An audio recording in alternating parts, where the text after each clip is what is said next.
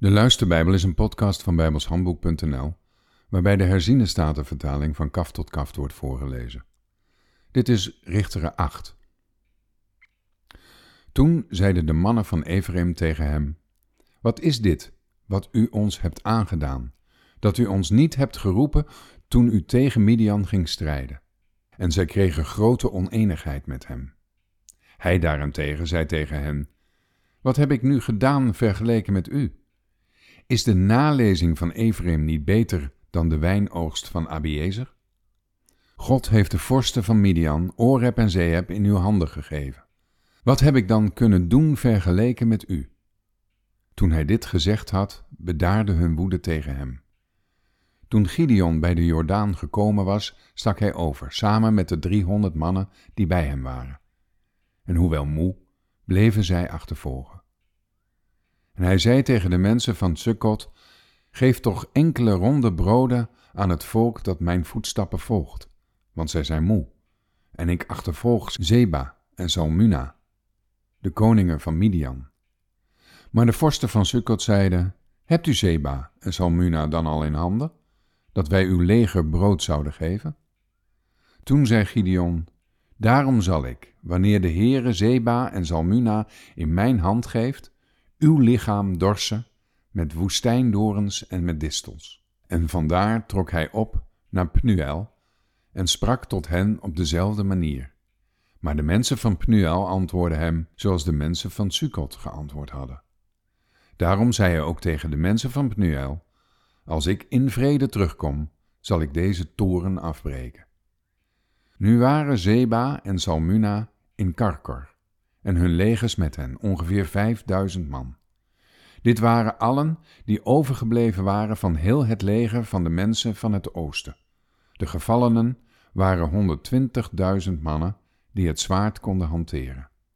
Gideon trok verder langs de weg van hen die in tenten wonen, ten oosten van Noba en Jochbeha. En hij versloeg het legerkamp, terwijl het legerkamp dacht dat het veilig was. En Zeba en Zalmuna vluchtten. Hij achtervolgde hen echter, nam de beide koningen van Midian, Zeba en Zalmuna, gevangen en joeg heel het leger de schrik aan. Toen Gideon, de zoon van Joas, terugkwam van de strijd via de pas bij Heres, nam hij een jongen van de mensen van Sukkot gevangen en ondervroeg hem. Die schreef de vorsten van Sukkot voor hem op, als ook hun oudste, 77 mannen.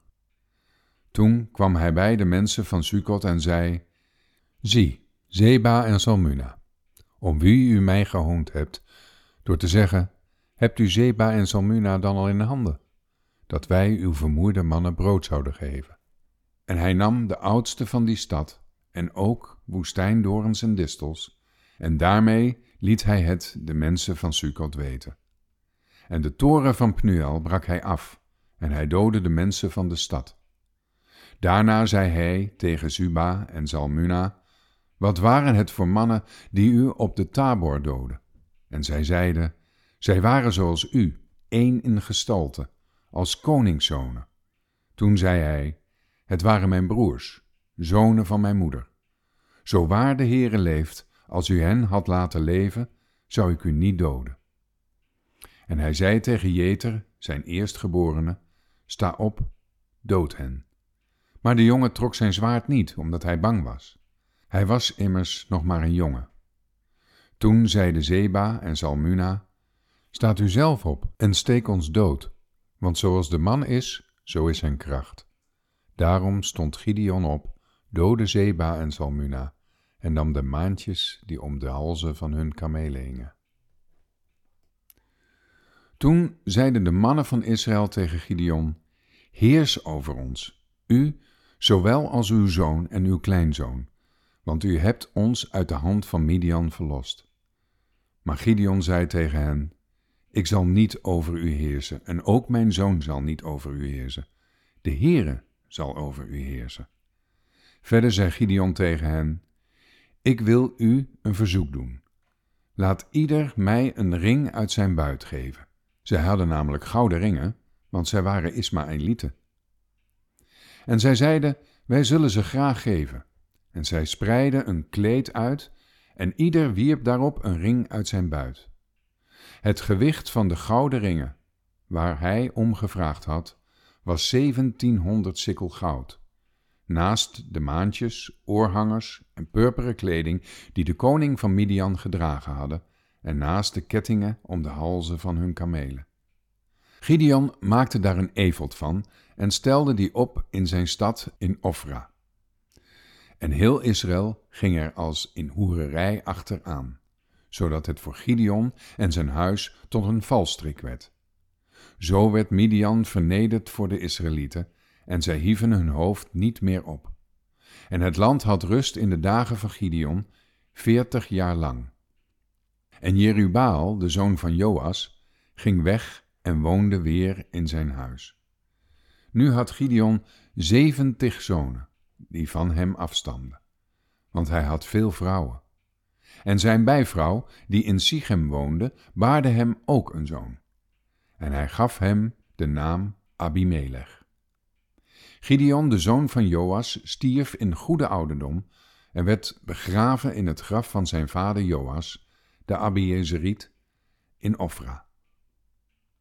Maar het gebeurde toen Gideon gestorven was dat de Israëlieten zich afkeerden en als in hoererij achter Baals aangingen. En zij maakten voor zich Baal Beret tot een god. En de Israëlieten dachten niet meer aan de Heere hun God, die hen gered had uit de hand van al hun vijanden van rondom. En zij bewezen het huis van Jerubaal, dat is Gideon, geen goede tierenheid, voor al het goede dat hij voor Israël had gedaan. Tot zover.